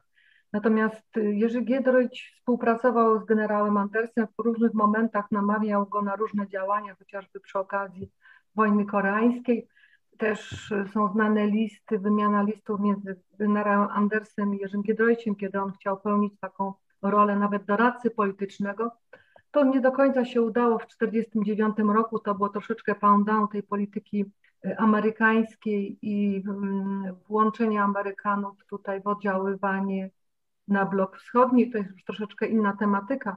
Natomiast to, co jest ważne, to dziedzictwo kulturowe, a więc bardzo szerokie. To zarówno prasa, książki, teatr, y, muzyka, y, film i przede wszystkim malarze, artyści. To te osoby, które zostały uratowane z nieludzkiej ziemi, te osoby, które się wykształciły dzięki generałowi Andersowi, te osoby, które później działały na emigracji w różnych ośrodkach. My mówimy tutaj o, o Paryżu, mówimy o Londynie, ale oczywiście tych ośrodków na uchodźstwie prężnych było o wiele e, więcej, chociażby na przykład w Stanach Zjednoczonych. Tutaj takim pierwszoplanowym ośrodkiem e, w zasadzie mm, o charakterze dokumentacyjno-naukowym był oczywiście Nowy Jork Instytut e, Piłsudskiego. Generał Anders na uchodźstwie robił tak zwane objazdy, jeździł, zresztą pielęgnował pamięć o żołnierzach drugiego korpusu. To dzięki niemu powstał cmentarz pod Monte Cassino, jak również cmentarz polski w Bolonii. Te uroczystości, którym, którym patronował i oczywiście pamięć o żołnierzach, poetach, malarzach i pisarzach. I to ogromne dziedzictwo na rzecz wolnej, niepodległej Polski mm, pozostało po panu generale, oczywiście poza tym wymiarem militarnym, wojskowym. Pani doktor, bardzo dziękuję za, za szeroki pejzaż e, działalności polskiej emigracji po II wojnie światowej, jak również już, w te, już pod jej koniec. Myślę, że w tym momencie możemy przejść do pytań od publiczności. Powoli zbliża się koniec naszej dyskusji, więc mamy dwa pytania, które napłynęły ze strony naszych widzów. Pierwsze pytanie, oczywiście pytanie kieruję do wszystkich uczestników debaty, e, nie jest ono skierowane do konkretnego rozmówcy. E, w jaki sposób zareagowali e, Brytyjczycy na dezercję żołnierzy żydowskich z armii Andersa? Wiemy, że to była dezercja, opuszczenie armii na terenie, na terenie mandatu Palestyny, do której, co do której Władysław Anders jasno dał swoją dyrektywę, że nie należy tych żołnierzy w żaden sposób powstrzymywać, ścigać ani karać.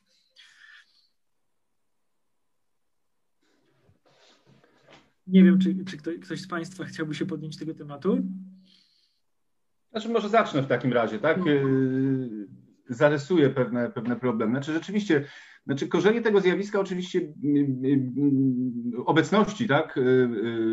Żołnierzy Żydów w armii Andersa biorą się z bardzo otwartej, bardzo humanitarnej i konsekwentnej polityki polskich komisji rekrutacyjnych. Przypomnijmy, że trwa konflikt w Związku Sowieckim, to znaczy myśmy mówiąc o konfliktach, które pojawiały się pomiędzy umownie Stalinem i Sikorskim, nie powiedzieliśmy o jednym istotnym, to znaczy tam pojawiła się dość istotna rozbieżność, co to znaczy obywatel polski, prawda? Ponieważ z jednej strony w zupełnie zrozumiały sposób władze polskie określały, że obywatel polski to ktoś, kto przed 1 września 1939 roku posiadał obywatelstwo II Rzeczypospolitej. To było zupełnie logiczne. Natomiast de facto Sowieci zawężali to do pojęcia y, Polak etniczny, tak? czyli przeciwstawiali się na przykład wychodzeniu po układzie Sikorski-Majski z łagrów y, Białorusinów czy Ukraińców, a takowi przecież również w tych zsyłkach się znaleźli obywatele II Rzeczypospolitej.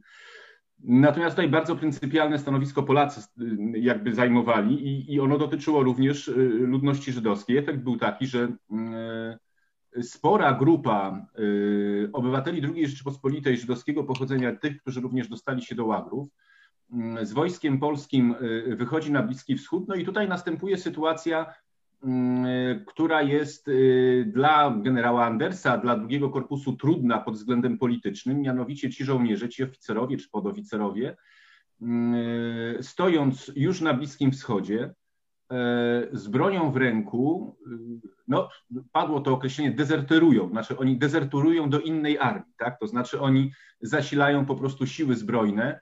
Y, niektóre z nich, które dzisiaj byśmy określili mianem również terrorystycznych, prawda, na Bliskim Wschodzie, i y, cały problem polega na tym, że przecież y, następuje kolizja interesów brytyjskich, interesów żydowskich, e, a Polacy są sojusznikami Brytyjczyków. Natomiast generał Anders prowadzi politykę znowu bardzo konsekwentną, to znaczy absolutnie, oczywiście poufnie również, e, przeciwdziała ściganiu tychże żołnierzy przez polską żandarmerię, przez żandarmerię drugiego korpusu, no co tu dużo mówiąc, no, sabotując właściwie politykę brytyjską w, tym, w tej mierze. No, z szeregów drugiego korpusu, chociażby to, to słynny przykład, którym się często posługujemy, wychodzi późniejszy premier Izraela Menachem, Menachem Begin, prawda? Natomiast tutaj rozmaite podnoszone są przesłanki, które by miały taką postawą Andersa Y, y, kierować, no chociażby i taka, że jakby generał Anders y, zdawał sobie sprawę, że jest to pewna kolej rzeczy, tak, że jakby naród żydowski pragnie ustanowienia swojego własnego państwa na Bliskim Wschodzie, że nie należy się temu przeciwstawiać. No, druga zasada, taka zdroworozsądkowa, która się zawiera w starym polskim przysłowiu, z niewolnika nie masz pracownika, więc w związku z tym e, jakby no, nie stara się zawracać kijem Wisły, prawda, próbując na siłę utrzymać tych żołnierzy w szeregach drugiego, drugiego korpusu, co zresztą później skutkuje no, taką pozytywną białą legendą generała Andersa i drugiego korpusu wśród części e, tych, którzy w ten sposób na Bliski Wschód dotarli, na Bliskim Wschodzie się znaleźli i chociażby zasilili szeregi Haganem w walce o niepodległość Izraela w drugiej połowie lat 40. E, może dodam, e, to jest dość skomplikowana sytuacja, bo rozmowy na temat, e, można powiedzieć, opuszczenia armii polskiej środowiska żydowskie prowadziły już wcześniej z generałem Andersem i tu był problem, że tam się, można powiedzieć, między tymi środowiskami następowały też ogromne różnice, bo część środowisk żydowskich była za tym, żeby nastąpiło wyjście, dezercja tych ludzi, przejście do tych paramilitarnych czy podziemnych e, organizacji wojskowych żydowskich. Natomiast część uważała, że powinni walczyć dalej i wrócić do Polski w ramach e, Armii Polskiej, bo tam e, się wychowali i tam ich domy pozostały. Można powiedzieć, że dezercja objęła większość szeregowych i podoficerów. Tam są pojedynczy oficerowie. Natomiast ponad 1300 żołnierzy zostało w drugim korpusie pochodzenia żydowskiego i oni przeszli cały szlak drugiego korpusu e, w kampanii e, włoskiej, otrzymując e, nawet wysokie odznaczenia mm, bojowe. Większość z nich pozostała na emigracji i nigdy nie powróciła do kraju, ale to jest też ciekawe, że nie wszyscy zostali później, powrócili do Izraela, tylko zostali w Stanach Zjednoczonych, Wielkiej Brytanii, na całym świecie. E, generał Anders zakazał e, ścigania, bo zgadzam się z panem profesorem. E, generał Anders uważał, że w pewnych rzeczy nie da się mm, po prostu jakby, mówiąc językiem młodzieżowym, przeskoczyć. Że nie zmusi się żołnierza, który nie będzie chciał walczyć, bo walczy zupełnie o inną sprawę, o swoją nową ojczyznę. Trzeba pamiętać, że Palestyna jest mandatowym pod mandatem brytyjskim. I Brytyjczycy boją się, że tam ciągle dochodzi do starć e, z podziemnymi e, organizacjami żydowskimi. Boją się, że to jest ogromne wzmocnienie wyszkolonymi żołnierzami. To jest prawda, że tu musimy powiedzieć, że takie podstawy to są właśnie ci ludzie, którzy wyszli z drugiego korpusu. E, te stosunki i sprawy są bardzo trudne chyba do określenia E, profesor Gąsowski w Krakowie zajmował się tymi zagadnieniami i myślę, że dużo pracy poświęcił. Warto sięgnąć, bo ta dezercja jest, e, to nie jest taka odosobniona, bo druga część tej dezercji jest na terenie Wielkiej Brytanii. Tylko ci żołnierze tutaj pozostają na wolności, wchodzą do organizacji, a ci, którzy w Wielkiej Brytanii zostają skierowani do karnych karnych oddziałów brytyjskich, ci, którzy z Polski, i zostają skierowani do bardzo ciężkich, pomocniczych prac, czyli to trzeba, to, jest, to nie jest ta audycja, żeśmy to wszystko mieli, to jest bardzo dużo e, różnego rodzaju aspektów, które mają swój początek jeszcze w Związku Sowieckim, a to jest bardzo trudne, bo tam się same środowiska między sobą chyba mieszały i mm, z relacji je, to można powiedzieć, że jest i lewicowa część, i mocno prawicowa. Tak jak to było przed wojną, e, można powiedzieć, w Sejmie Polskim wśród posłów pochodzenia żydowskiego. Ale jest to sprawa, która jest chyba bardzo bulwersująca wiele osób do tej pory. No, generał Anders powiedział, nie ścigać, wybrali inną drogę. Dziękuję za, dziękuję za odniesienie się do tego pytania. To faktycznie jest, jest rzecz, która myślę, że w tej dyskusji o armii Andersa nie jest zbyt często poruszana. E, cieszę się, że, cieszę się, że nasi odbiorcy, ja też mogłem usłyszeć, wydaje mi się, że dosyć wnikliwą wypowiedź na ten temat. Ostatnie, drugie pytanie od e, naszych, e, naszych widzów dotyczy kwestii, można powiedzieć, tak mi się wydaje teraz, kontrowersyjnej, czyli udziału polskich żołnierzy w bitwie pod Monte Cassino po stronie, po stronie państwowej, po stronie niemieckiej. E, nasz odbiorca pyta, wiemy, że wśród żołnierzy III Rzeszy broniącej e, Monte Cassino byli Polacy. Co wymazanie ich z powszechnej pamięci mówi o naszej pamięci o Monte Cassino i armii Andersa? No trudno, my nie wymazaliśmy ich z pamięci, bo trzeba powiedzieć, że w rekrutacji do oddziałów spadochronowych to jest tak zwana już rekrutacja późniejsza, bo jednostki spadochronowe 40 rok, 41 zupełnie mają inny specyficzny charakter. To jest bardzo przesiąknięci e, ideologią faszystowską młodzi ludzie, którzy do tego wstępują. Myślę, że to jest bardzo dobra książka niemieckiego historyka doktora Pala dotycząca propagandy Goebbelsowskiej Monte Cassino i tam można by było znaleźć odpowiedź, dlaczego, jak wyglądały te stosunki. Natomiast trzeba powiedzieć, że miarem czasu e, trzeba było uzupełniać straty w jednostkach. Kogo brano? Brano e, żołnierzy Polaków, e, których zaliczono do różnych grup niemieckich z, z armii ze Śląska, i w większości to byli Polacy ze Śląska.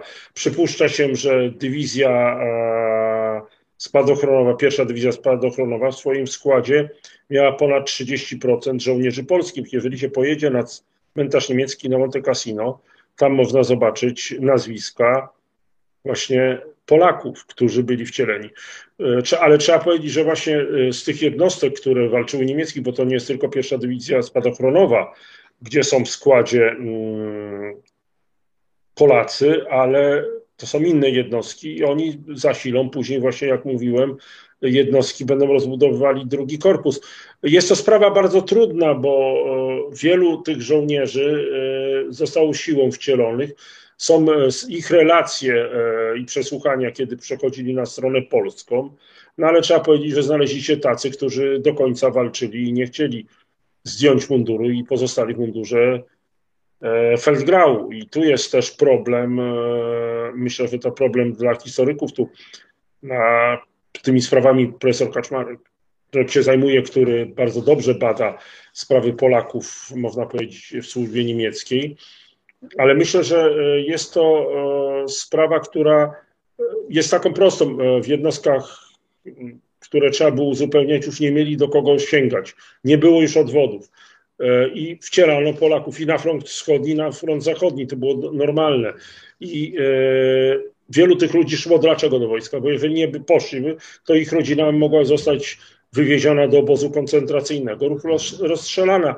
Wielu, oni nie mieli innej drogi, to niektórzy mogli, mogli uciec, ale pozostawały całe rodziny. A te rodziny co miały zrobić wtedy? Dzieci, yy, bracia, to rodzice, dziadkowie. To była bardzo trudna decyzja. Oni yy, niejednokrotnie nie chcieli się na to godzić. I wielu przy pierwszej okazji próbowało przejść na stronę aliancką, tylko kiedy widzieli, że na początku alianci nie chcą tych Polaków oddzielać i umożliwić im służbę w wojsku polskim, to y, ta propaganda jednak szła, bo mówili Niemcy, po co się chcecie poddać, jeżeli i tak traficie do obozu. I to uzmysłowiało zupełnie inny kierunek. Później nastąpiła zmiana po rozmowach y, polskiego sztabu z Londynu i generała Andersa y, z Brytyjczykami, przedstawicielami brytyjskimi, amerykańskimi, którzy zaczęli rozumieć, na czym polega ten problem. Że to nie jest problem jakiś wyimaginowany, tylko na, Pomorze i Śląsk przed wojną, te części zajęte przez 1939 roku należały do II Rzeczpospolitej i trzeba było tych ludzi jednak wpleść i włączyć w działania polskiej armii. Nie wszyscy chcieli służyć, ale bardzo wielu chciało służyć. Oni służyli w drugim korpusie i w innych jednostkach polskich sił zbrojnych pod zmienionymi nazwiskami, bo oni się bali, że jeżeli by się dostali drugi raz do niewoli, albo gdzieś e, by doszła informacja, ich rodziny mogły mieć reperkusje. A tak e, stali, stawali się dla niemieckiej, e, niemieckiego maszyny wojennej jeńcami wojennymi wziętymi gdzieś na froncie. No i to jest problem, że w wielu tych walkach, nawet w relacjach czytać, można, że słychać głosy mówiących Polaków po drugiej stronie, na całym szlaku drugiego korpusu na froncie włoskim. No ale to jest taki nasz chyba tragiczny los Polski w II wojnie światowej. Panie profesorze, dziękuję za tak kompleksowe odniesienie się właśnie do tej no niezwykle na pewno trudnej, niełatwej, kontrowersyjnej kwestii. Szanowni Państwo, e, myślę, że to już e, koniec naszej dyskusji, nie mamy więcej e, czasu. Chciałbym bardzo serdecznie podziękować naszym dzisiejszym gościom. Był z nami pan profesor Daniel Boćkowski. Pani doktor Małgorzata Ptasińska. Dziękuję bardzo, do widzenia. Pan profesor e, Przemysław Weidgarter. Bardzo dziękuję, to była przyjemność. I pan profesor Zbigniew Wawer. Bardzo dziękuję. Zanim skończymy, chciałbym jeszcze serdecznie podziękować e, naszym darczyńcom i czytelnikom teologii politycznej. Podziękowanie kieruję również do ekipy Blog Pressu, która będzie udostępniać naszą transmisję. Podziękowanie kierujemy również do Muzeum Historii Polski, które dofinansowuje nasze spotkanie w ramach programu Patriotyzm Jutra i wszystkich, i wszystkich chciałbym podziękować wszystkich, wszystkim uczestnikom naszego konkursu. Serdecznie Państwu dziękuję i życzę miłego wieczoru.